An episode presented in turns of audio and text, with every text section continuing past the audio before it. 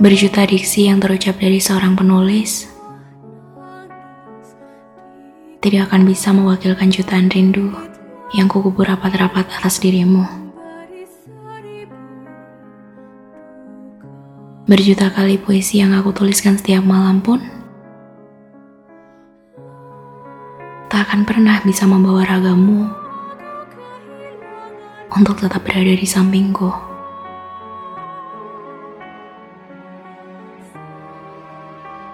Dan pada akhirnya, aku selalu gagal menulis sajak tanpa air mata. Jadi, apa yang kau ketahui dari cara melepas rindu selain bertemu? Sementara aku di sini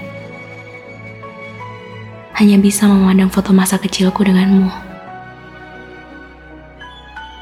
Lalu, Rindu itu mendarat dalam sebuah doa.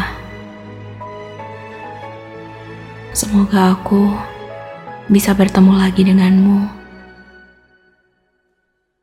dan menyatu dalam keabadian Sang Pencipta.